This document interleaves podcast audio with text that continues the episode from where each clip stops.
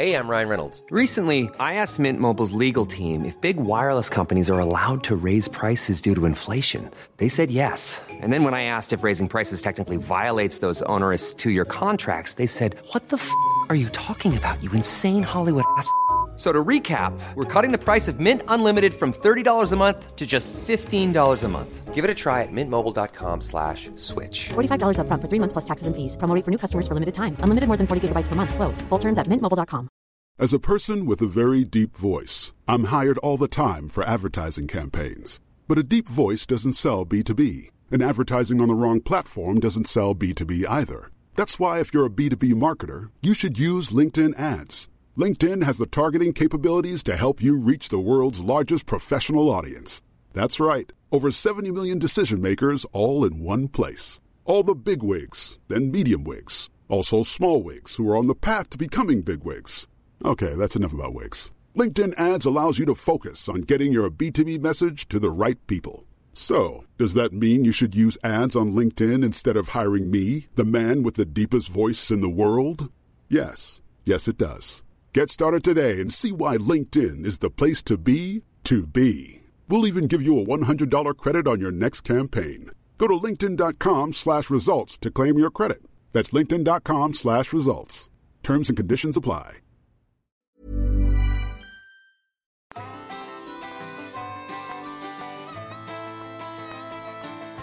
Hörru du Pang-Anders, nu är det dags igen. Va? Lill-O och Pang-Anders. Vad fan är det dags? Jajamän, nu kör vi. Hur är läget?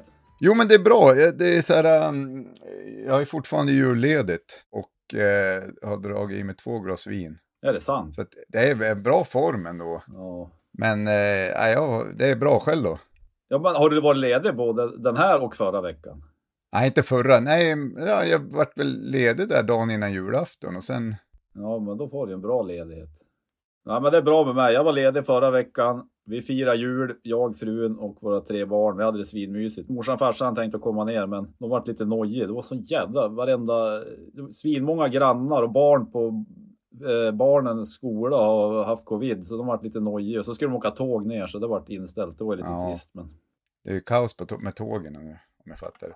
Ja, men det där är ju inte helt pissenkelt och eh, det är ju ganska deppigt att det ändå verkar ju dra in någon jävel smitta nu. Ja, det där är ju segt alltså. Har du haft covid? Ja, inte vad jag vet. Nej, Alltså jag testar mig inte om jag har en kus i näsan. nej. Men eh, nej, jag tror jag bara testade mig en gång och då var jag, in, var jag negativ.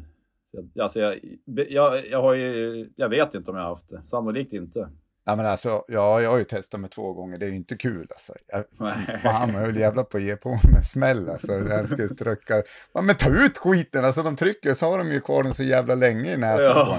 För fan fick ju panik för helvete. Men du, om du får välja, måste välja mellan bävergäll och covid-test, vad väljer du då? Ja, men 100% covid-test. Ja, du gör det. Alltså, ja, fy fan vad äckligt det är med bävergäll. Alltså, jag kan, nej, det går inte. Nej, det är ju ingen favorit alltså. Den där flaskan eh, Fredrik hade med sig till Brink på toppfågeljakten för flera år sedan. Ja, Den står ju kvar, två tredjedels full, det var väl en kvarting. Och den står ju kvar där än. När vi var uppe och jagade, jag och frun där Ja. uppe i, i höstas, då, då såg jag den där flaskan. Jag var ju inte, jag var inte, ens, jag var inte ens där och luktade alltså. ändå, ändå kingigt om man hade typ, ja men fan gör det här är inga problem. Så hade hon bara druckit, vet du. Ah, fy fan. Nej, men eh, vad kul. Det är ju liksom också kul att vi kör en helt ny start på podden. Vi brukar ju alltid säga hej och välkomna till. Och det har ju också stört Peter Ekeström, har jag hört i hans podd. Jakthundar och jakt. Som för övrigt är en jävla bra podd. Ja, men du, alltså det är ju, jag håller med dig till 100%, men nu var det länge sedan jag lyssnade på den. Ja, Varför vet jag inte. ja den är bra. Ja, den är ju svinhärlig. Jag tror jag lyssnar på varje avsnitt, men, och då blir det lite som att samma frågor kommer igen. Men, men det är ju bra att få en uppfräschning. Den är, det är ju ett bra koncept. Jo. Det är en veterinär, en hundexpert, och så kör de de frågorna. Ja, det är ju svinhärligt. Är det. Ja. För det är ju, ja men både, nu har inte jag någon jakthund, men du, det är ju många, alltså de som har jakthund och är jaktintresserade, de måste vara den optimala podden. Ja, det är ju det. Men han retas ju alltid på att vi säger liksom hej och välkomna till toppenjakt. Som att inte folk skulle fatta att de lyssnar på Toppenjakt. Och det kan, jag kan hålla med han, men det är ju ändå ett trevligt sätt tycker jag. Men det står ju för fan, om man, om man har en mobiltelefon och ska lyssna på Toppenjakt, då står det ju Toppenjakt när man ska dra igång podden, vill jag minnas. Så det har han ju rätt i. Och nu hade inte jag någon riktig tanke, nu gasar vi var igång här och börjar prata. Ja, men det, är- det är ju bra. Ja, men nu är vi igång. Men du, vad, har du jagat något eller? Nej, men jag har ju ingen hund, för du har henne ju. Men går väl att jaga ändå? Ja, nej, men eh, senast jag var nere, det var ju när jag var nere och lämnade humlan hos dig och eh, det var i början av december. Sen har jag som bara jacka ur nästan. Det är ingen toppfågel heller. Nej, jag har inte varit ute än. Eh, men då var jag nere, då sköt vi ju, eller jag sköt ju en dov. Ja, det var ju kul. Det var väl typ det sista som hände efter några, alltså för di- din del, den där jaktveckan eller? Ja, alltså fy fan, det var ju same old story på den där. Jag, vet du, det var ju sista som hände. Och så kom den där ut. alltså, det sjuka, jag ska berätta den här historien.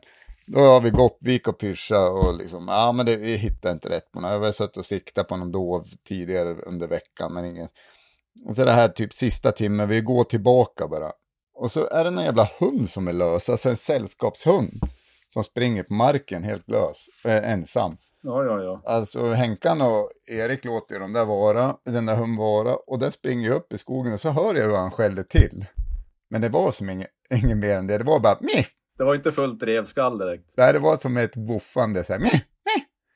Alltså jag stod, stod där och funderade lite och helt plötsligt kommer det ut oklart dov eller kron. Jag bara helvete. Jag vi fick, fick inte skjuta kron. Var, om, du, om du skulle vara osäker, fortsatt osäker, skulle du skjuta ändå eller? Nej, nej. Alltså jag var ju sjukt osäker. Alltså, det- alltså blir man ju så här och får ju dåligt självförtroende eftersom att alla håller, är på mig om det där. Alltså jag bara, äh, fy fan vad är det? Så jag ropar på radion, bara, helvete jag har en, jag har en kron. Eller en, är det en dov? Eller är det en kron? Ja, Och- dägg, och det är ett jag däggdjur här. Det är ett däggdjur. Jag säger det till Henkan liksom på radion. Och sen så blir det tyst och då vet ju inte han om det här. Men då ser jag ju att den börjar studsa, du vet kron, eller dovstudsa. Jo, då kände du dig trygg. Ja, då kände jag mig trygg och så såg jag svansen på den. Så efter att jag sagt det där till Enkan, bara är det en kron? Nej, vet du, det kanske är en kron. Och så skjuter jag ju. Och han får ju typ panik. Bara ringer mig direkt. Bara, vad fan var du skjuter på nu? Och då vart jag ju igen så här osäker. Jag bara, vad fan, jag, jag tror det var, det var fan en dov liksom. Är du säker? Jag bara, ja, jag ska gå fram och kolla. Ja, Jag hade sett han så snabb någonsin. Undrar han hade, hade han hade nog en plan i huvudet redan då om det skulle vara en kron. Ja, det förväntar jag mig. Hur ska, jag- hur ska vi lösa ut det här? Ja men fan kul alltså. Ja roligt. Ja, nej men så då var ju en dov då. Men då var ni på, då var ni uppe i Uppsala och jagade va? Ja. Men är det inte, alltså är det så jävla prättlätt? Det här var ju typ en spets. Det är inte, den var så jävla mörk också. Jag tänker hela tiden att det, ah, det är Men inte jag- skitlätt. Nej det är inte plättlätt. Nu har jag jagat så mycket. Alltså, jag har bott i Stockholm i 13 år och jagat både, alltså runt både norr och söder om Stockholm och Sörmland och Östergötland och ja, men all, Ja. alltså, ändå på mycket marker. Framförallt där det har funnits hyfsat med kron men även dov. Så man har ju, man har ju lärt sig se skillnad på dem där. Det var inte lika självklart när jag började jaga här nere. Jag hade ju fan aldrig, aldrig sett ett vildsvin. I i och för sig det är ju inte så svårt att fatta att det är en gris som kommer. Men... Nej, men gris. Men fast det verkar ju vara som att folk skjuter fel nu med det här termiska, om jag har förstått det rätt. Jag har inte riktigt tänkt med, men de har ju skjutit för fan hundar till hästar och allting och trott att det var grisar. Ja, det är inget roligt alltså. Nej, men så att då sköt jag ju den i alla fall. Det var liksom slutet på veckan. I övrigt har jag inte skjutit någonting den veckan jag var nere. Jag var nere en vecka och jagade. Men då hade du sett, du hade sett något dov innan i alla fall. Ja, jag har stått och siktat på en jättelänge. Vi körde någon stare down, jag och doven, i tio minuter. Doven vann. Ja, han vann för jag kunde inte skjuta på honom, kulfång och så stod han rakt framifrån. Han stod bara blickstill och tittade på mig och jag stod blickstill och tittade på honom. Då var det ju snyggt att du lät bli helt enkelt. Ja. Vi var ju ute och jagade i, i söndags, jag och Kalle. Och Henkan var ju med också. Alltså, jag måste bara säga, vi måste ju lägga upp en bild på den här Henkan. Vi har ju pratat om han fan i varje podd. Folk vet ju inte vem han är. Han måste ju få komma och gästspela i podden. Ja, han är ju tråkig satan att lyssna på.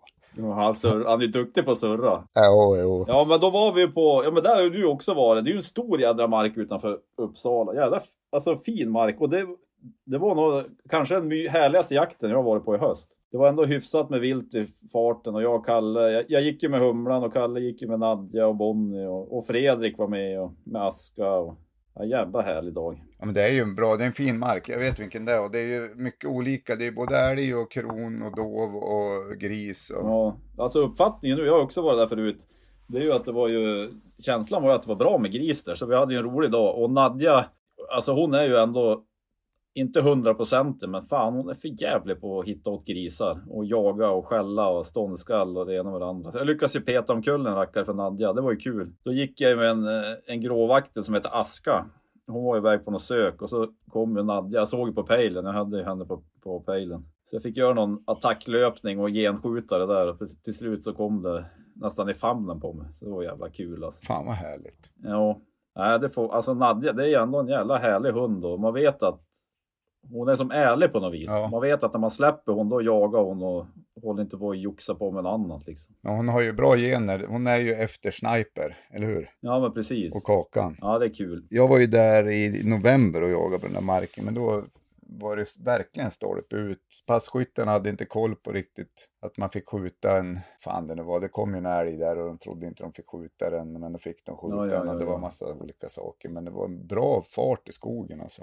Stor fin mark, eh, skiftande landskap och så känns det som härliga, härliga människor som och jagar. Så det, Ja, då får man ju det man vill ha liksom det tror jag pratade om i podden, att det var så jävla uppstyrt det där med, där, det var ju den marken med, hundförarna, hur de skulle gå. De hade någon tanke på vilken hund som skulle gå vart, för de hade gjort lite så här förarbete på hundarna. Liksom. Ja, men det är ju proffsigt, för det är ju också vissa, vissa av de som gick nu, de vill ju inte att man ska skjuta dov för hundarna exempelvis. Nej. Och då, sa, då var det någon hund, ja men jag, jag kan gå här, det är inget problem att skjuta dov för min hund. Då har de lite koll på vart de, vart de brukar kunna stå i alla fall. Det är ju inte hundraprocentigt, men det är ju proffsigt. Men du, innan vi går in på, jag gick ju med humlan på förmiddagen, men innan vi går in på den prestationen Ja. så måste vi ju prata om att du var ju i Skuttunge för något år sedan och hade en härlig jaktupplevelse. Ha. Tog de upp det? Det har jag försökt det var någon mörka. som nämnde, det var någon som nämnde någon kronhjort. Ja, Som Wiklund, som Pang-Anders hade skjutit på. Alltså. ja, fy fan vet du. Det- var ju för... Kalle gick med hund. Jag och Lars var nere tror jag, så skulle vi dit. Det var, som fick, det var ju inte alls många jägare där, utan det var ju vi och några till bara. Och så Kalle gick och släppte Bonnie, tror jag det var. Och mycket riktigt vart det ju någon fart i skogen där jag stod ut, mitt ute på en jävla åker på ett pass. Och stod en kille som heter Patrik bara 100 meter ifrån mig. Och rätt som det är så dyker upp jordens jävla kapital kron alltså. Det här är ju också, jag vet inte, har jag pratat om det här? Nej. Nej, jag Men, vet inte, jag har sagt det. Men oavsett om vi har pratat om det här tidigare i podden så kan det vara värt att prata om igen. Alltså. ja, men i alla fall, vi hade ju, de hade ju sagt innan så här, det finns en kapital kvar att skjuta. Mm. Och då hade jag ju fått förklarat för mig hur det där kapital, hur det ser ut och hit och dit med de här tre uppe och ja, i, i, i horna och det. Men rätt som det är så dyker den där jäveln upp. Rakt av åkern kom han springande. Och du vet ju, de är ju så sjukt majestätiska. Så de kom ju som en bringan för fan. Han hade ett torso som var bredare än fan ditt. Oj, oj, oj. Men i alla fall, och jag upp med bössan och så bara då dammade iväg ett skott. Och så bara, äh, fan bom. Och så sköt jag ett till. Och bara tokstöp. Alltså han gjorde jordens jävla kullerbytta på åkern. Var du då nöjd då eller? Ja, men helt blickstill låg han bara, pum! Han gjorde alltså en kullerbytta, la sig ner, låg helt still. Och Patrik som stod ju typ 100 meter bort i ett pass, han bara, men snyggt skott liksom. Och jag vart så jävla nöjd, vet du. Bara, jajamän! Vart ska jag sätta det här hornet någonstans Jag då? bara, ja, det där satt liksom. Var, var, jäv... ja, var så sjukt mallig liksom. Ja. Så stod jag där och tittade och Bonnie kom ju fram till, till, eh, till kronen där. Och så började han ju typ så här sprattla lite. Så jag bara, fan, det är väl typ, några, ja det är väl som dödsryckningarna tänkte jag. Det är väl... Jo. Men jag började klättra ner för tornet. När jag klättrade, det var ett högt torn, när jag klättrade ser jag att han typ kliver upp på bakbenen. Ah, Alltså upp på bakbenen. Och sen bara, och hon far ju runt, så jag kan ju inte skjuta, hon far ju runt den där och, och så bara börjar han trycka sig framåt på bogen, alltså ner i åken, bara springer på bakbenen och bara kör, plöjer hela åken. Jag tänkte bara, vad fan. Och sen vinglar, så kom han fram till skogskanten, det var kanske så här 100 200 meter ifrån mig. Då började han vingla upp på alla fyra ben. Så stod han där ett tag och sen bar det iväg in i skogen. Ja, och så vart det ståndskalle ett tag in i skogen. Tänkte, ja men nu har han ju lagt sig. Ja. Och sen bara bar det iväg. Och så bara, fan. Och så Kalle kom dit och så fick, till slut kom ju Bonnie tillbaka typ efter 20 minuter. Ja, ja. Och så tog vi dit en ny hund. Jag kommer inte ihåg vilken det var, det var Kakan vi tog dit då. Det var, och spåra alltså den här eh, kronen i typ 3-4 kilometer tror jag vi spårade. Det här gick ju hela dagen, hela jaktdagen gick ju åt. Ja. Mindre och mindre blod, det var någon droppe på plats liksom. Och sen bara slutade hon blö, slutade han blöda. Och sen bara, äh, fan, vi släppte ut Kakan efter ett tag. Nej, hittade aldrig, alltså vi spårade fyra kilometer sen så släppte vi hon. ja, det där är ju förargligt alltså. Men då, ja, det var ju helt sjukt alltså. Och det var ju både att man bara, hur fan gick det här till liksom? Eh, Och sen att hela jaktdagen gick ju åt och leta rätt på den där kronen. Och man är inte själv heller. Nej, alltså alla fick ju passa om liksom, men såg aldrig till den. Ja, vad sjukt alltså. Och det vart mindre och mindre blod, men då fattade jag det som, nu är inte jag någon expert, men om man träffar den jävla pucken där uppe, vad heter Ja, han? taggutskott typ. Ja, Taggutskott, ja, då kan man ju för, liksom förlama ryggraden på dem. Men det där har man ju sett på någon YouTube-film. Alltså, det finns ju någon helt sjuk älgfilm. Han håller på att bli översprungen av en älg i princip. Ja. Skjuter ett skott och den där bara ser ut som att bara dö på fläcken. Och så sen eh, reser den sig och bara tokspringer efter med arslet mot, Ja. mot skytten. Så kan, kan inte skjuta honom. Nej men det var ju skit. Och sen slutade han ju blöda. Men då säger de att det kan blöda lite grann där uppe. Och så rinner det ner efter benen och så blir det någon droppe liksom. Det var ju bara någon droppe där. Ja, ja, ja.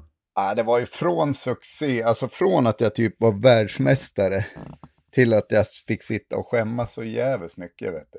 Ja, ändå segt. Jo, men eh, det var ju, jag trodde aldrig att jag skulle få komma tillbaka till den där marken.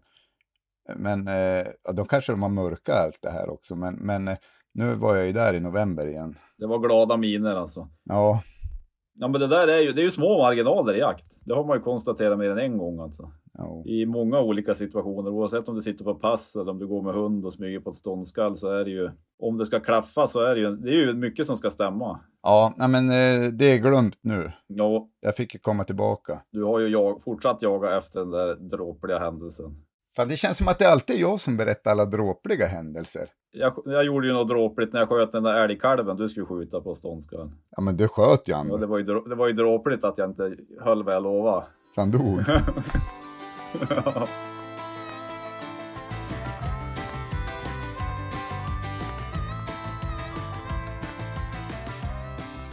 Men du, jag har ju jagat med humlan också.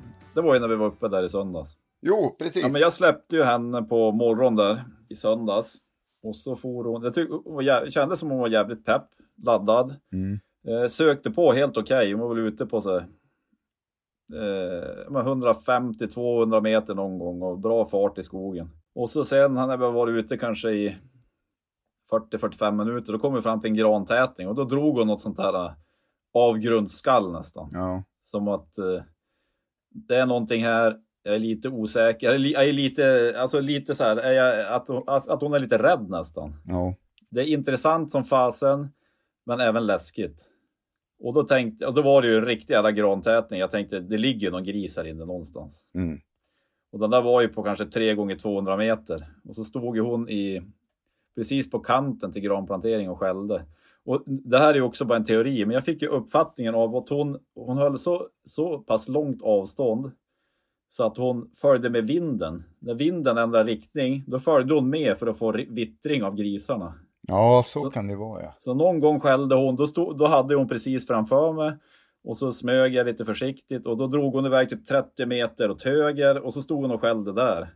Mm. Så det var ju svårt. eh, Det är ju, blir ju jäkligt svårt för jag vet inte, jag stötte ju de där grisarna till slut för jag, hade, jag visste inte vart de var liksom.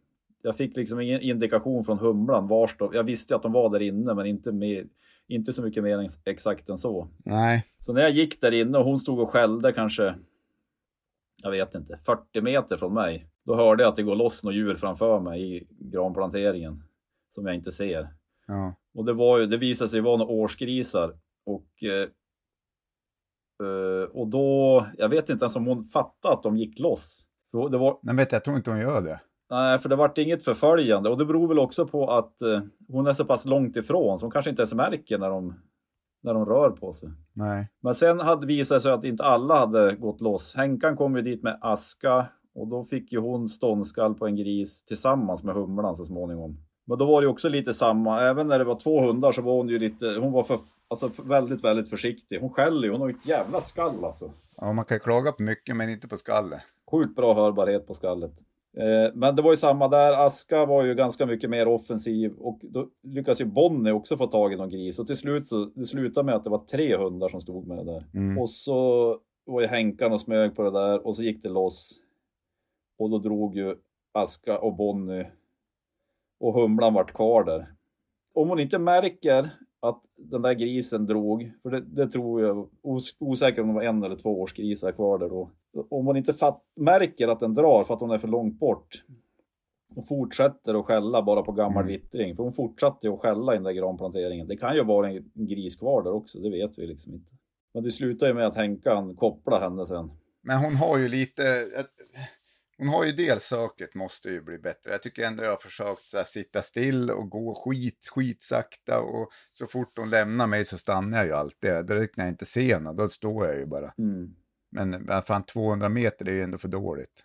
Ja, du tänker i förföljandet eller i söket? Tänker. jag. Nej, men i söket överlag, om vi börjar där. Ja, men det kan, ja, alltså för Norrlandsmark så är ju det jävligt svårt Jo. att få skjuta någon älg på stående skall om inte hunden kanske är mer än 200 meter ifrån den. Men här nere så funkar det ju på gris och kanske lite tätare med vilt och lite mer passkyttar. Men hon skulle ju behöva, det är också, det som blir svårt, det är att eftersom hon inte har något långt förföljande, så även om hon liksom har kontakt med en gris eller en älg och står och skäller lite, även att hon håller långt avstånd. Det blir ju svårt att skjuta på ståndskall eftersom hon är så långt ifrån djuret. Och när det väl, om det väl går loss sen, då blir det ju svårt att hon ska få belöning. För det räcker att hon, säg att det skjuts 500 meter bort och så hänger inte hon Nej. med. Då fattar hon ju inte det. Hon måste ju hänga med dem. Man skulle vilja veta att någon sån här stensäker granplantering, här ligger det gris. Mm. Sen postar man ut tio stycken Ja. runt den där jävla planteringen. Så att de får den belöningen, det är ju lite svårt. För det, känns, alltså det är ju en sjukt härlig hund, bra skall, men hon skulle ju behöva kaxa till sig lite. Ja, hon, men hon, måste, hon har ju för dålig dådkraft än så Ja. länge. Alltså än så länge, om hon nu har ens. Men det är ju att hon är ju fortfarande under två år, så att man ska väl inte ha allt för, nu är inte en dåres försvarstal, men man kan inte göra någon större utvärdering än. Men jag tänker som att det måste ju bli någon skillnad på henne nästa höst i alla fall. Jo, men det är ju bara att hoppas på det och sen är det bara att nöta på. Ja. För det är ju så här, även att hon... Alltså man har ju jagat med många hundar som inte varit fullfjädrade jakthundar. Det är ju, också, det är ju ändå svinhärligt att vara ute med hon. Jo, Så jag tycker bara, jag tycker bara det är svinkul att vara ute med hon. Och har man tur så lyckas man ju bara skjuta ett djur för dem så att de fattar att fan, den här, nu ligger den här, det här var inte så farligt. Liksom. nej, för hon är ju inte, alltså när de ligger där, då är hon ju på dem direkt och håller på och luggar dem och har sig. Men, men, oj, oj. men så att jag tror, alltså det kan ju bli så här, helt plötsligt släpper det bara för henne att, vad fan det här Ja, ja, ja. Men det är ju som du säger, så länge hon inte har de här längre, för, alltså hon inte följer efter dem, men jag tror inte hon fattar att de drar eftersom att de ligger så långt bort, alltså skäller så långt ifrån dem. Ja men så kan det ju vara. För älgarna hit, då dra, kan hon ju dra på en, har ju haft upptag på 700-800 meter ifrån mig liksom. Ja, följt något spår och... Ja, precis och, och sådär, men, eh, men har väl inte heller följt, börjar de skena då släpper hon ju dem ganska snabbt liksom. Ja. Nej men det är, det är ju så jävla härligt att du ändå är ute med henne för att här uppe hade hon inte jagat någonting nu så att allt, allt är ju bonus. Nej, det börjar bli för mycket snö. Ja, men det är svinmysigt. Det kanske blir, det hinner- kommer hinna bli fler släpp innan hundsäsongen är över. Sköt hon sig hemma då? Ja, det går bra. Ja, Hon har, hon har, vet du vad hon gör för någonting? nej. Vi har ju någon sån här träpinnstol där i, i, i Mycket är jag skyldig. vardagsrummet. Sen är, sen är det ju såna här små, det är såna här små eh, träpluggar där de har skruvat. Ja, ja, ja. De där har hon d- dragit ut med framtänderna och bitit sönder. Vi kom på senast igår bara, vad fan gör du Humla? Då ligger hon och gnag på en sån där. Alltså, de är ju ganska små så hon måste ju typ ta dem med framtänderna. Jo, så jo, jo. plopp. Ja, vad fan. De är inte så dyra de där. Nej, nej jag får, du får skicka en räkning sen när det här är klart hur mycket som har gått. Men det är också roligt. Jag tror många, alltså nu har vi, du har ju också varit jävla öppen med Humlan att det liksom inte gå kanske riktigt som du hade hoppats på. Alltså på, på Instagram och det är ju många, det är säkert många som lys, dels lyssnar på podden och som följer oss på Instagram som vet vem Humlan är. Ja, jo. Så, så det är ju lite roligt att För, alltså det är ju så, oavsett, oavsett hur man väljer hund eller vad man har för tankar. Det är ju lätt att man tänker, fy fasen, den här ska jag få skjuta på ståndskall på varenda Ja. släpp. Men det är ju det är jävla drömscenario att få förunnat. Det är väl ingen förunnat kanske, men det är ju, det är ju bara att nöta på. Och liksom, eh, det är väl tålamodet. Det kanske är både du och jag som, vi kanske inte känner för att ha bäst tålamod i världen. Nej, det har jag inte. Men man, och liksom, ah, alltså, man får ju ge honom någon säsong till sen, men blir det inget mer. Alltså jag kan ju inte gå, men nu ska vi inte måla fan på väggen än, men, men så är det väl. Man kan, jag, kan, jag kommer inte kunna gå med en hund som inte jagar. Alltså då måste jag ju fixa någon, då måste jag byta hund nästan. Jag, jag kan ju inte ha en hund ett helt år och sen jagar hon inte. Nej, men man vill ju att man vill ju att de ska jaga till, alltså i alla fall, alltså en viss utsträckning. Jo, Det är väl också individuellt vad man kräver av sin hund, men man vill ju, man, man vill ju känna att, att de gör någon nytta när man är ute i skogen. Så är det ju naturligtvis. jo. Ja, men så, och det har hon, hon har ju gjort det några gånger, så jag, på något sätt finns det ju i henne. Liksom på något sätt. Det gäller bara att det ska släppa, tror jag. Jo. Men det återstår väl att se. Lite grann. Men det är ju inte svin... Alltså också när man börjar så här tvivla lite grann. Det är det tycker jag är skitjobbigt. Ja, och så sen man hi- håller på att fundera. Varför gjorde Ja. hon så? Varför, varför gör hon inte så här? Och, Nej, och ibland så tänker jag liksom att det ligger på mig så jävla mycket för att jag är för dominant och sen, men hon är ju som ett jävla yrväder ibland så man måste ju som styra upp hon också. ja, det är jävla härlig alltså. Ja, men, men då kan jag bli lite så här, vad fan är det jag som har skapat det här att hon är liksom, ja det är inte, det är inte svinlätt jämt tycker jag att veta vad som är vad och hur mycket man ska, men jag, jag, såklart jag kommer ju inte bara, nej hon duger inte, hon är under två år, jag kan liksom inte göra något än, det här kan ju skifta fort. liksom. Ja, men fasen. Men du, hon hade ju ett jäkla sök här. Var det förra veckan? Hon rymde ju från innergården. Vi har ju någon stor, stor port som ungarna hade glömt att stänga på innergården. Ja, Och då var jag ute, jag skulle sticka och åka skridskor med ungarna, så jag hade med mig alla tre. Och så hon äldsta tjejen, eller det var ju minstingen som öppnade porten, men, men äldsta tjejen hon mådde lite dåligt. Hon, hon alltså typ att det var hennes ansvar, så är det ju inte naturligtvis. Men, men hon drog ju som en avlöning. Eh, jag, precis, jag såg det genom sidorutan på dörren, bara FOM! Alltså, full satsning. Hon såg glipan i porten där. Så bara såg att de tog vänster utanför framsidan på huset. ja. Ja, här kom ungarna, ska vi se om vi hittar humlan. Och så gick vi ner, har vi någon fotbollsplan, det är någon is som är spolad där nu på vintern. Och så är det någon skog ovanför och så är det någon villakvarter längre bort. Jag såg inte till hon. Ja, vi står här och väntar, hon kommer snart. Hon är ändå borta typ 10 minuter, sen skymtade hon på en tomt där borta. Ja. Satt och så sket. Så tänkte jag, Fan, du hade väl inte rastat hon? Jo, ja, hon Vad rastade i sig själv. Men sen, sen eh, tänkte jag dra en vissling. Ja. Och, så, då, så, och så lät jag ju glad som en spelman. Och så kom, började hon ju typ tokspringa mot oss. Men då började äldsta, äldsta dottern som hade lite dåligt samvete, hon började gå mot hon. Jaha. Jag bara nej, kom hit, vi går bort ifrån hon, hon kommer att dra. Och så när hon såg äldsta dottern, då drog hon ju som en avlöning upp för en backe där inne i skogen. Och så bara, ja men nu väntar vi. Sen pratade jag ihop med ungarna. Om hon kommer nu, då vänder vi bara på klacken och går därifrån. Ja. Hon verkar ju inte vilja bli infångad. Men då tog det ett tag, så var hon där uppe. Så kom hon närmare, var inne på typ så 20 meter. Sen drog hon igen. Upp i skogen där. Och så till slut så sprang hon ner mot någon gångstig i skogen. Och så började hon ju skälla något så helt sjukt. Det var ju någon liten vit hundrackare som hon hade. Den där var ju livrädd. Det var ju en farsa med unge som var ute och gick med den där. Och, och så, bara, han var ju svinvettig. Jag var ah, jag är ledsen, hunden stack från, stack från gården. Och han, alltså han var, vissa, alltså det har jag blivit förbannad någon gång när det kommer en lös hund. Ja. Men han var ju svinsoft så det var ju skönt. Så jag bara, kan du, han, han gick ju med den lilla hunden i famnen, hon var ju livrädd och humlan sprang ju bara tokmata vet du. Och så sa jag bara, hör du, kan vi få använda eran hund som lockbete? Hon är jättesnäll, hon kommer liksom inte göra något med den här hunden. Nej. Ja, men det kan vi göra. Det vore ju bra om ni skulle få tag i den här hunden. Så då satt jag och klappade den där lilla vita hunden och humlan stod bara, bara, bara, bara, bara mata vet du. Ville typ leka med den där. Men sen då, och då vände jag bara ryggen mot humlan. Då vart den ju så nyfiken så hon kom Ja. fram. Så då lyckades jag ta, få tag i honom. Ja, då var hon ju välrastad alltså.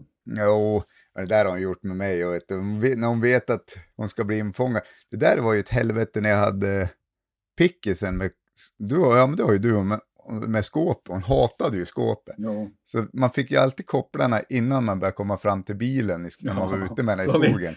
Får vittring av bilen, då är det kört. Nej, såg hon bilen, då drog hon ju. Ja. Fan, men annars så liksom, då blir man ju ledsen och bara, fan du har legat på 200 meter ut i skogen, men när direkt när du ser bilen kan du dra på en, då drar du en kilometer. Bara, vad fan, det hade gått hela jävla dagen. Oj, oj, oj. Men ja, nej, hon har ju dragit, jag har ju hämtat henne upp i någon lägenhet där i Luleå också, hon har sprungit och haft så. Ja, du. ja, det är kul alltså. Det var länge sedan hon drog nu. Humlan. Ja, humlan, ja, ja men det är i alla fall bra. Det, är ju alltid skönt också att få någon annan som utvärderar hon lite grann sådär och f- ha lite funderingar. Och... Ja men det är också kul, man vet, alltså jag ju försöker vara öppen mot dig, det finns ju inga hymla om och du har jagat mig om så mycket så det är ju liksom, Nej, men det är ju inga nyheter för mig heller. Det är bara, ja. ja, det är väl bara nöta på. Det går upp och ner. Men eh, för jag fick ju faktiskt tag i ett kullsyskon, en stora syrra till henne. Jaha, en, en kull innan eller? Ja, det visste inte jag att det fanns, men det fanns tydligen en, en kull. De, hitt, de skrev någonting på Instagram till mig och då var det ju en, och hon sa så här, efter tredje löpet, då liksom vart det så här svinstor. För de, hon är ju så jävla omogen, humlan. Hon känns ju lite barnslig, Ja. men ändå på ett härligt sätt. Hon, hon leker ju med barn och håller på, alltså hon är ju my, svinmysig så, men lite barnslig. Ja, Många andra hundar, ja men som Aska, jag hade dem ju hemma samtidigt. Humlan ville ju bara, ville ju bara leka, men nu är väl Aska, Ja. är hon ett år äldre kanske? ja, säkert. Men hade du inte haft Kerstin hemma också, eller vad det var? Jo, jo, då var ju Kerstin, känns ju som en tant i jämförelse med Humlan. Och Kerstin är ju typ ett halvår, nej, hur gammal är hon? Ja, sju månader, Kalles, Kalles ung, unga jämthunde. Nej, så hon är ju, hon är ju sprallig så liksom. Sprallig och glad och snäll. Och högt skall. Hon är som en annan när man var tonåring, omogen och lät mycket. Jo.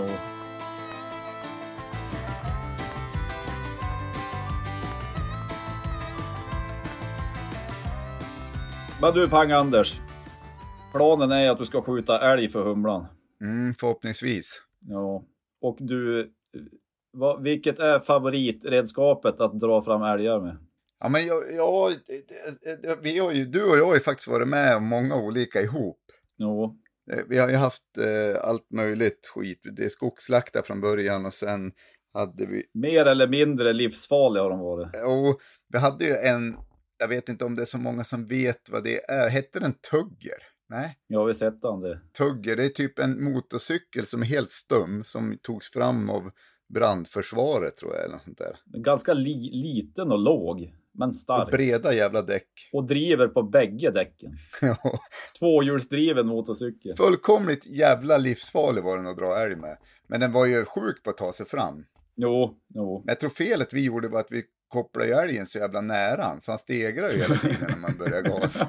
Alltså vi, man skulle haft en, en vajer och så släpa älgen. Vi kop, drog ju typ upp skallen bak på pakethållaren bak på honom. Det slutade med att eh, jaktledaren höll på att slå ihjäl sig. Sen såldes tuggern. Jo, Ja, fy fan. den kunde man ju också hälla i, di, visst gick han på diesel? Ja, visst var det en liten dieselsnurra in där? Och då kunde man hälla i däcken så att man skulle ha extra diesel med sig ut. Det är ju fräscht. Ja, nej men eh, ja, eh, man kan ju inte, Den, men den kan vi ju, den rekommenderar vi inte till någon. nej, Om, kanske om man ska hämta, hämta ute på en åker, då funkar det. Jo, nej, den var väl inte svinbra. Men eh, jag skulle säga fyrhjulingar är ju också bra. Vi har ju haft en järnhäst har vi haft en gång. Järnhäst, den är ju brutal. Jo, lite ryckig. Men där har jag ju en jävla härlig Lill-Ove-anekdot. Ja, berätta. När, när Jonas sköt, alltså den största älg jag någonsin har sett. I surhålet. Ja, visst. Jo, den där jäveln ja. Ja, alltså det var ju som ett as. Bogen var ju som en ladugårdsvägg. Och vi, den la sig där och vi hämtade järnhästen. Och så satt vi oss ju duktigt i myren där. Alltså den järnhästen är ju brutal, men det vart som att ä, hela ekipaget vart för tungt. Så Ja. vi bara grävde ju ner oss överallt och körde fast och jävlas. Sen skulle ju du lyfta järnhästen och med älgen på själv. Stor, Och så pajar du ryggen. Storhetsvansinne. Ja. Ja, och, och det var ju Bara den... skärp till det, ta i nu för fan! Och så bara börjar du slita, sen bara ah! Ryggskott. Ja, ja, men jag hade också bråkat med jaktledaren för han tyckte att vi hade tagit fel väg dit. ja, men just det. Kommer inte ihåg det? För jag körde ju ner den där genom... och bara, Fan kan inte ta den här vägen eller? Ja. Och sen, nu tar ni den där jävla vägen hem också, sa han ju. Då körde vi ju fast något så Jo, inåt helvete. ja. Plus att den där, en, en, en blandrashund, så jag vet inte varför han skulle dit med den hunden, men det var ju typ en blandras mellan, vad, vad, vad var han Zorro? Var det typ stövare Jämte och stövare va? Ja, han var ju jävla ilsk vid älgen, så han satte sig ju foten på mig, bet mig i kängan vet du. Du hade väl någon Lundagskängor? Det där har jag på näthinnan. Det där måste ju vara, alltså är det 15 år sedan eller? Han bara satt ju fast i, och fan, ja det vart i kaos där, han bara for och drog runt mig på myren. Med ryggskott. ja, oh. ja, men skulle jag försöka, jag vet inte vad som flög i mig, men jag var så jävla less för vi skulle hem och käka. Så jag ville, vad fan om vi bara tar i och lyfter här, men det var ju stumt. Jo, det var ju bra många hundra kilo. Men järnhäst har vi använt. Mm. Älgtrack har jag haft också. De är ju, det är ju som en skotermatta. Ja. Men den, eh, den är ju svinbra, smidig, inte så bred, men den är ju sjukt tippningsbenägen. Mm -hmm. Alltså man får, det är ju som stötter på sidan, ja. så man får stå och mothålla hela tiden. Men de är ju svinbra på att ta sig fram. Och så sen har vi den där som den där gubben i, i Övik har svetsat. Ja, den, ja, den är ju bra. Pensionerad svetsare. Han har jobbat på Hägglunds och svetsat stridsfordon och bandvagnar hela livet. Men den är ju grym alltså.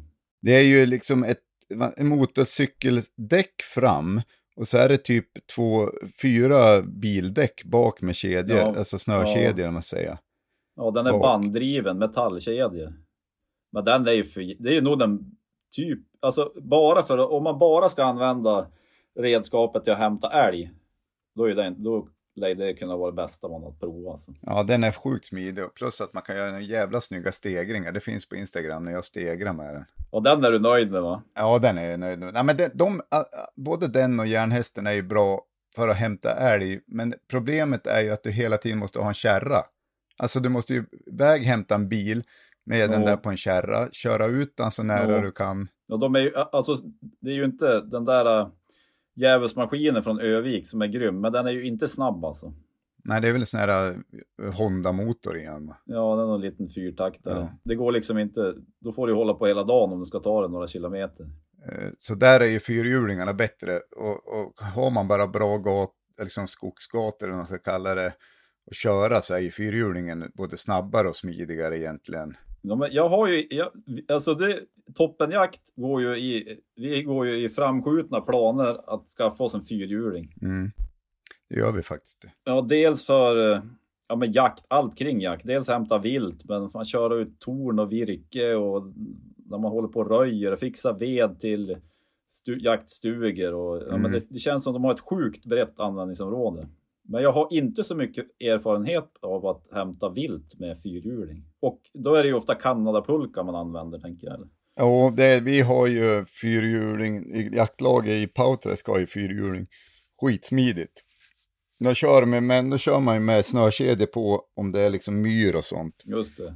Eh, det enda, det enda som är en fyrhjuling det är ju om det är hyggen, steniga hyggen, man säger. Där kan det ju vara stökigt att köra en fyrhjuling. Ja. Men, men allt i skog, myrar, allt är det hur bra som helst. Och så Kanadapulka på det. Ja, men det, är ju, det lutar åt att vi ska få en fyrhjuling. Men det är också så här, om man har vinsch fram och bak på fyrhjulingen. Mm. vet jag inte hur långa. Då borde man ju också kunna vinscha typ en Kanadapulka. Jo, fan, vinscha hela tiden. Så vinscha, om man har kört fast så är det ju bara vinscha upp hela skiten. De är ju svinstarka under vinschan vi måste skaffa oss en fyrhjuling. Ja, men du menar vinscha Kanadapulkan? Ja, men alltså att man inte kan köra ut till älgen. Då drar man bara på älgen på Kanadapulkan, så vinschar man så att... Ja, det går ju. Ja. ja. Fast den är väl inte hur lång som helst, den där vinschlinan heller. Men... Nej, men då är de ganska långa. Men jag tycker det, det är sällan vi behöver, man kan ju dra, får du bara upp älgen på Kanadapulkan kan du ju faktiskt dra någon meter utan, med risk för ryggskott och som jag fick. Men... Jo, men det, tar, får man ju, eh, det får man ju ta på köpet alltså. Det är en risk. Nej, men jag skulle säga att det är ju perfekt. Den är ju mer allround en fyrhjuling än vad en älgdragare. Men du, och det här kan vi ju, alltså lyssnar ni på den här podden och har förslag på schyssta lösningar med fyrhjulingar eller alltså hur ni använder dem i jaktsammanhang så skicka ett mejl eller skriv något på Instagram. Ja. Det är väl kanske du som har använt det mest av oss. Jag, alltså jag, jag tror aldrig jag har hämtat vilt med fyrhjuling. Nej, men jo, men jag, vi har hämtat mycket där och det, och när det är väl också när du, du, du kör ju ut den till vägen hur fort som helst på skogsbilväg eller stigar, vet du, det är ju hur, ja. alltså det är jävligt smidigt. Sen är det väl framkomligheten vid stenigt, när det är stenigt och mycket stora stubbar och sånt där, då, då kanske älgdragarna är bättre. Och då, då blir det väl lite begränsande naturligtvis. Men du, du lär ju bli chef fyrhjuling Chef fyrhjuling. om toppen, när toppenjakt skaffar en rackare helt enkelt. Ja, men vi, vi får se till. Vi får väl se hur businessen går så vi får in en, köpa oss en fyrhjuling. Servicetekniker och chef fyrhjuling. Men om vi ska prata om det där äh, ryggskottet när jag försökte marka en största tjuren vi har sett någonsin. Men det, det, det skulle ju, om du skulle lyckas lyfta där, då skulle du ju nästan världsrekord i marklyft. Ja. Men jag skulle ju också springa Lidingöloppet veckan efter. Ja, Vilket gick ju fullkomligt åt helvete. Jag sprang ju, hade ju aldrig sprungit en mil, eh, längre än en mil i hela mitt liv. Så skulle jag springa, jag skulle göra klassiken. Så skulle jag springa Lidingöloppet. Så hade jag en sån jävla bra plan på hur jag skulle, jag skulle hålla så här timme, alltså 60 minuter per mil. jo, Tänkte jag, men det blir bra. Det, vad är det, 3,2 mil? Är det 3 mil? ja det är något sånt. Det, det blir väl bra liksom. Så att det kändes ju, första milen var hur jävla fräsch som helst. Och sen kom jag typ till en och en halv mil. Då började ju backarna också. Och då var det som att jag bara fullkomligt gick in i väggen. Ah, fy fan vad hemskt. Alltså det var så sjukt, jag var så förbannad, törstig. Men det var ju då jag sprang till något jävla stånd och inte, som sålde, eller så här, gav ut Energizer. Ja, ja, ja. Eller vad det hette. Jag bara, får jag något att dricka? Så här, Nej, du är inte sponsrad. Jag fick inget, jag fick en sån här gelé. Jag bara, vad fan. Tryckte i mig den där, då vart jag ju ännu törstigare. Det var helt så här som, Sockerlag i käften. ja, så sprang jag ju upp på någon så här överklassvilla på Lidingö. Det satt någon tant och drack champagne, och det här är sant, ute liksom på, på terrassen där. Sprang upp där och bara vinglade upp och bara härjade med dem. Bara, jag måste ha vatten. Så hon in och hämtade en flaska vatten åt mig i det jävla mansionet de bodde. så, Det där lär de jag prata om efter det alltså. ja, fy fan, det var värsta jag gjort. Alltså. Men du, eh, du vet den här kackerlackmänniskan i Man in Black? Ja, Vet du vem jag Jo, menar? jo. Som kraschar med rymdskeppet där. jo. När du hade rygg... Alltså, nej, det där brukar ju vara på reklam-tv när man zappar ibland den där filmen. Så ser man det. Då Ja. tänker jag ju på dig när du fick det där ryggskottet. Du gick exakt likadant som kackerlack eh, rymdmonstret i Man in Black. Jo, men alltså det är kul att säga det, för frugan sa exakt likadant. Hon bara, men vad fan, du går ju med kuken först. Alltså, vad, vad gör du? Jag bara, jag har så jävla ont i ryggen. Jag går med könet först. Och så gick jag så här. eh, eh. Ja, hon sa ju att det var exakt samma som han. Ja, In och googla det där klippet med Man in Black kackerlack-monstret som kraschar med rymdskeppet. Så, så kan ni få se en bild, eller då får ni en eh, tanke på hur det såg ut i skogen efter att Pang-Anders försökte att marka ett ton älg och eh, järnhäst. ja men med vilja kommer man långt tänker jag. Det var en syn för gudarna alltså. Det får bli en fyrhjuling, nu bestämmer vi. De andra får säga vad de vill. Ja, det, det, är det inte lite som att vi också, alltså att det kanske passar oss att ha en fyrhjuling? jo, men alltså det känns som, vad fasen, du är i sommarstugan och... Ja, ja där skulle jag behöva, men jag får låna den dit, det behöver jag. Jag behöver röja jävligt med sly och skog. Det är, ju, det är ju inte så att eh, den kommer stå still när vi inte jagar. Jag tänker på, på kärret för Kalle och Britta också. Mm, Nej, nu, det blir det. nu är det bara ut och kolla, skanna marknaden alltså. Men du, jag är lite besviken på dig och Lars, att ni inte är ute och jagar någon toppfågel alltså. Ja, men vad fan, det har ju varit jul och allting. Jag vet inte, det har liksom inte blivit av bara. Men vi får väl ta oss ut här nu i januari, tänker jag. Det måste vi ju göra, vi är ju ganska nära till marken. Då är det dags. Men de säger det är dåligt med tjäder i år. Är det så? Fan var det som sa, det var någon som sa det till mig. Och det stämmer nu när jag varit ute någon gång, då har jag ju bara sett sjukt mycket orre, men inte sett så mycket tjäder faktiskt. Ja, det är ju lite, men ja. Det är ju, det är ju också, toppfågeljakten är ju svinhärlig oavsett, men det är ju, det är ju roligare när man får se fågel ibland.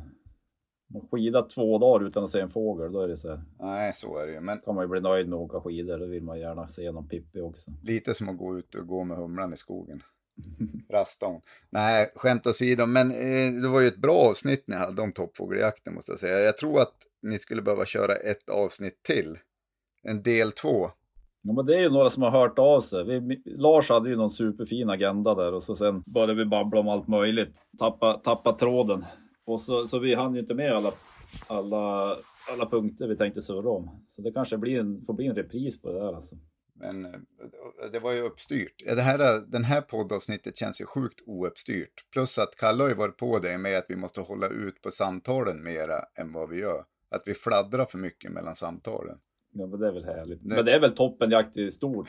Vi, vi saknar struktur. Ja, och, ja, det det, kan vi ju Det, det kan vi väl er, erkänna att vi gör. Alltså där måste jag ändå säga med struktur, om vi ska prata struktur, att årets Musikhjälpen, det pratade de ju om sist, grabbarna behöver vi inte prata mer om att slå oss för bröstet eller slå alla givare för bröstet heller. Men där hade vi ändå bra struktur i år jämfört med förra året. Nej men absolut, det håller jag med om. I år har vi skött oss bättre. Och nu ska alla vinnare vara informerade, eller? Ja, men jag hoppas det. Så har ni, var ni med i finalen och inte fått något mejl, kolla, kolla skräpmejlen. Vad heter den här?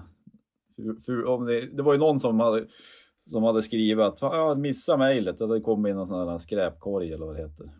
Men, men det var ju lite synd att Musikhjälpen hade helt plötsligt slängt om och ändrat reglerna. Att förra året körde vi ju en tävling och de var med och lottade ut namnen. Ja, men, Men nu, precis. nu hade de ju ändrat det där så att de inte tog något ansvar för tävlingarna. Det vart ju en liten fadäs och lite missvisande information till de som skänkte pengar. Men vi, vi rädd, jag tycker vi räddade upp det där rätt bra. Men du, jag har en, eh, jag har en avslutande grej. Kom du ihåg att jag skickade något till dig där jag kände, vad fan skrev jag sådär för? Att jag, jag skrev efteråt på WhatsApp, fan hoppa, jag är ledsen, hoppas att du inte tog illa upp. Ja, jo, jo, mm, precis. Jo. Och så gjorde jag en sån till Kalle också. Det är så här.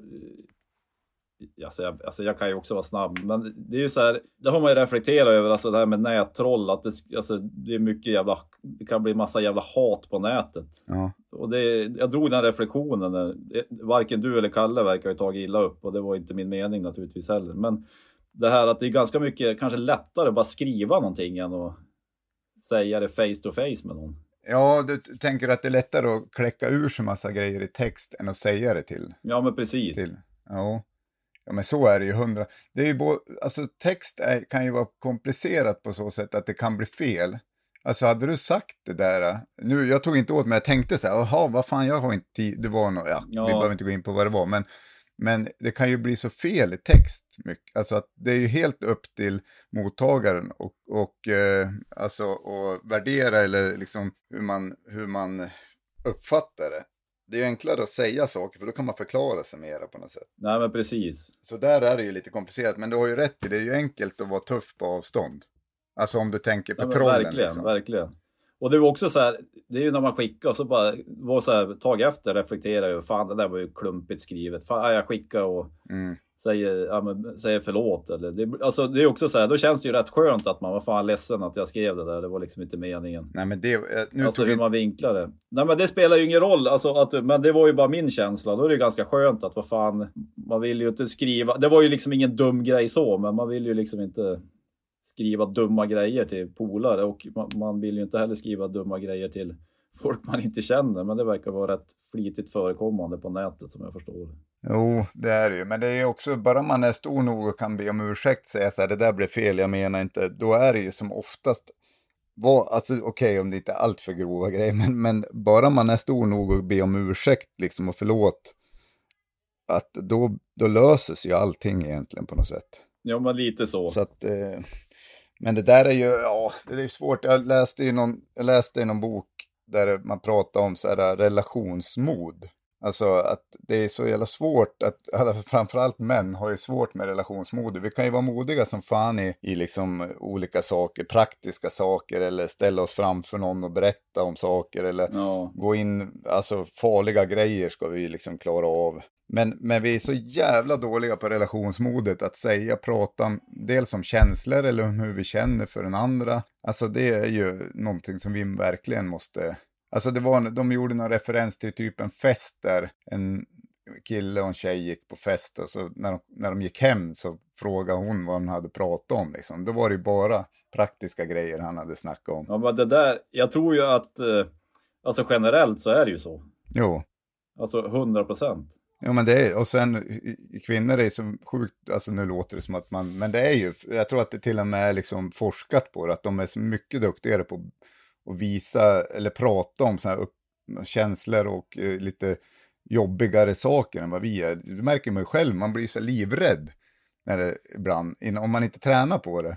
Att prata Nej, om så här, nej men för fan, nej, nu är jag bara tyst så här, det här kan ju bli skitjobbigt liksom och behöva berätta något hur jag känner eller att någon annan ska berätta för mig hur de känner. Men det är ju också ganska fint för det är ju också vi, alltså vilka man umgås med. Som, ja, men som vi, vi, vi har ju liksom inga problem att säga till varandra vad vi tycker. Och vi har ju inte heller något problem att säga alltså om jag tycker att du gör någonting som är dumt, då har jag, vad fan, då har ju inte jag något problem att säga det. Nej, så kan man diskutera nej. saker. Men det är väl också hur, hur bra, bra man känner varandra och hur, hur tolerant man är mot varandra på något vis. Jo, men sen är ju frågan om vi har, kanske vissa har enklare för den andra, men att så här, visa sig svag.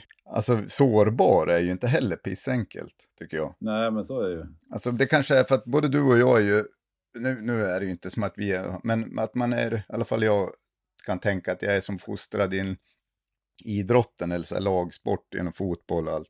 Och där är det ju någon speciell mentalitet, var ju det på den tiden i alla fall. Det ska bitas ihop. Jag kan köpa att, visst, det, det där är ju också svårt, för att jag tycker att man ska kunna bita ihop. Jo. Men, men, eh, men man måste, få inte vara rädd för, alltså det här att, fan, att jag visar mig rädd eller visar mig svag för mina kompisar ska ju inte vara något problem. Liksom. Nej, men precis. Då kanske det till och med att man växer i deras ögon om man inte hela tiden säger att det är inga problem och jag klarar det här och det är inte något, någon fara. Och så in, inombords så man, så är man ju pissrädd eller ledsen eller någonting. Liksom. Nej, men för det spelar ju ingen roll hur, alltså vilken sorts människa man är. Någon gång blir det ju motigt. Mm. Fysiskt eller psykiskt eller man blir rädd eller ledsen eller sårad. Det är ju... Alltså, på något, alla känner väl så någon gång på något vis. Jo, men, men det känns ju skönt med er att jag, alltså där är det som ändå inte att ja, vi kan ju ha en viss jargong men jag vet innerst inne liksom att alla berättar ju ändå på något sätt att när det är tungt eller att man är rädd för någonting och att det känns jobbigt att prata om eller att man har någon grej hemma kanske eller någonting som är gnager. Ja, men det är ju superfint och det bygger en trygghet också på något vis. Mm. Att man liksom inte... Man behöver inte vara rädd för att säga vad man tycker. Sen är det ju också, man kanske inte alltid säger vad man tycker. Nej. Det är ju inte så att vi säger hela tiden att uh, håller på att tjafsa om små saker. Nej, nej, men det handlar ju också kanske mer också om lite så social kompetens, att inte hela tiden säga exakt vad, det gör ju ingen. Alltså, man, det, vissa grejer får ju bara gå förbi. Man behöver ju inte säga vad man tycker och tänker om exakt allting. Liksom. Då får man inte göra något annat. Men det är ju, nej, men det där är ju lite intressant med, med bita ihop-grejen. Vi kan väl avsluta med den. Den tycker jag är svår. Alltså det är svårt att hitta en balans i det. Ja, eller idrotten kan jag tycka att det finns en viss här, hockeyn, Alltså att det, hela den grejen går ut på kanske att man biter ihop, man kämpar, man tar en, liksom, en för laget, man jobbar, man sliter, man gör illa sig för att det... Ja. Men samtidigt så ska det ju... Man kanske måste... Ja men bit... Jag tror ja, men det, absolut, bita ihop, det kan ju också vara det här, jag tror ju att... Jag tror det är inte ovanligt att folk går in i väggen för att de biter ihop och tror att allt ska lösa sig. Sen till slut så bara rinner bägaren över. Det kan ju både vara fysisk och psykisk belastning. Så man får ju liksom inte bli dumdristig och eh, köra så hårt fysiskt så att man pajar sig eller jobba så jävla mycket så att man Nej. går in i väggen. Det är det ju, det är det ju inte värt alltså. Den biten på bita ihop är ju inte bra. Alltså att, eh, men eh, jag vet inte, jag kanske målar in mitt hörn, men jag tycker bara att det är svårt ibland för att jag kommer vackla mellan liksom att, men visst bita ihop måste få finnas medans, kanske inte känslomässigt eller om man eh, bara, att man får ju inte bli rädd för att be om hjälp, tycker jag. Nej, och, och det är ju också när man, men både du och jag har ju barn, mm. och ibland kan man ju känna så frustration. Men, alltså man står och kollar på någon träning eller något. Ja. man känner bara, vad fan, det är väl bara att köra på. Så känner man samtidigt att ah, det kanske gjorde lite ont, men ah, det är så här, den är ju svår också, den vågskålen, hur man ska hur, hur man ska liksom vara mot barnen. Man vill ju liksom trösta dem, men man vill inte trösta dem för mycket så att det liksom går överstyr och att de, varenda gång jag gillar mig pyttelite så väntar jag mig att pappa kommer. Nej, nej men precis, men det kanske man kan skilja på, på dels på idrottsplan eller på liksom fysisk grej om det inte är, om man har gjort illa sig skitmycket. Eller känslomässiga grejer. Att, jo men absolut. Och då, då kanske man inte ska bita ihop utan då får man ska försöka och jag är verkligen inte den bästa på att lära ut det, men i alla fall på något sätt försöka väcka det hos ungarna. Att du måste berätta om du känner att du... Har det bakhuvudet på något vis. Ja. Så att vi kan väl avsluta med att eh, var inte rädd att be om hjälp. Då kan det vara ett bra råd. Ja men absolut. Nu har vi varit ute på hal is här alltså, men det, var, det är ändå ja, men det är ett viktigt samtalsämne. På, alltså, och kul att diskutera tillsammans med dig. Och vi är väl inget, vi, och det är ju så här, ni ska ju inte inbilla er att vi är någon form av proffs på det här, men det är väl i alla fall att vi på något vis har det i bakhuvudet ibland. Ja, och framför, jag tycker ändå det är fint, liksom bra att vi tar, alltså att man, vi kan ju inte prata om det här inom gruppen, nu är det inte bara i podden, vi, nu halkade vi bara in på det, men vi har väl ändå en sån liksom stämning mellan varandra, att vi kan prata om, om sådana saker mellan varandra, vilket jag tycker är härligt. Jo. Det är inte alla som har det. Nej, men precis. Och du, nu ska jag och frun har varit ute och, hon är ute och springer med humlan än. Ja, bra. Det, det, det ska jag bara säga, jag behöver ha tillbaka honom, för jag tror fan jag har gått upp typ fyra kilo. Men humlan har gått upp också. Ja, det är bra. Men du skickar inte med någon mat. Hur, ska jag... Ska jag bara skicka fakturan till dig på Ja. all mat eller hur? Vi får inte prata om mat, vi har fått så mycket skitmail om att vi pratar för mycket om mat. Det där Ja, men nu är det, utanför nu är det ju pengar det handlar om för fan. Det måste man ju få prata om. Ja, du får skicka en faktura för alla träploppar och. Och... Att träplopparna bjuder på. Då har vi en god vän Pelve som kan svarva till några nya. Men du, nu kom Kalle vara less på oss att vi hoppar mellan olika ämnen här. Nu får vi ge oss innan det spårar. Ja, vi får ge oss. Hörru, du, vi, får väl tacka alla som orkar lyssna så här långt. Ja, men precis. Och men du, jag måste ju bara... Jag måste ta en sak till. Ja. Får jag göra det? Ja, ja. Det- Och det här är ju bara en, det här är ju en reklamgrej. För våran renfilm. Jaha jag, hade, jag hade ju någon form av biroll där, det var ju svinhärligt för övrigt. Och Lars har gjort ett sjukt jobb. Så om ni inte har sett den, se den. Och om ni tycker att den är bra, så tipsa era polare. Antingen om de jagar eller tycker om mäktig miljö eller medelålders män. Precis. In och se den för att det, den har lite, jag, jag, nu sticker jag ut hakan och säger att den har oförtjänt lite views för att vara så pass bra. Det kanske har lite krånglig eh, rubrik eller något, jag vet inte. Golden Buck. Ja, Nej, men in och kolla på den om ni, om ni vill se något vackert. Nej, nu får vi ge oss. Kolla på renfilmen. ja, nu skiter och ha det bra. Hörru, Jaga, kör Ja, ha det bra. Tack för att ni har lyssnat. Ha det fint allihopa. Bit ihop, men inte för mycket. Nej, Och dela med er av era känslor. var inte rädd att be om hjälp. Ha det bra hörni. Hej då. Hej hej.